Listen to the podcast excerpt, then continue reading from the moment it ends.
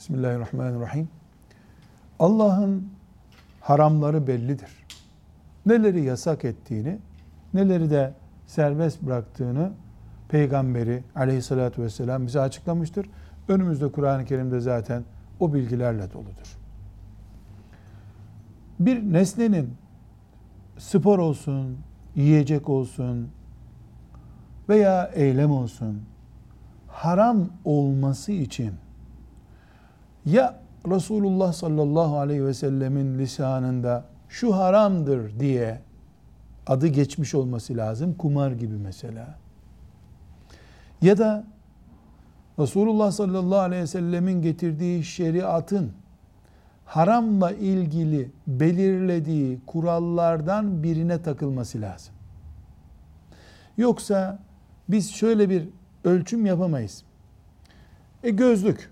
Bu peygamberin zamanında var mıydı yok muydu? Böyle bir ölçü yok. Peygamberin zamanında kurallar vardı. O kurallar kıyamete kadar devam edecek. Futbol spordur. Haram olmasını gerektirecek bir şey yok. Yuvarlak veya dört köşe ya da sivri bir aletle, bir araçla oynanıyor. Bu spordur. Haram değildir. Ama talebenin ders çalışmayıp futbol maçına gitmesi haramdır.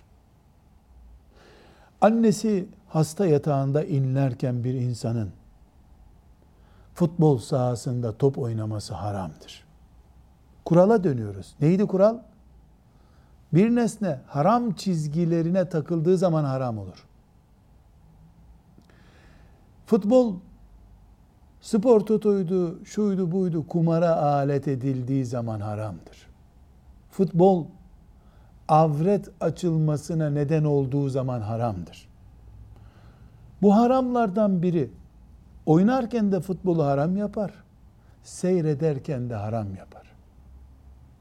İnsanlar futbol takımı beğenebilirler.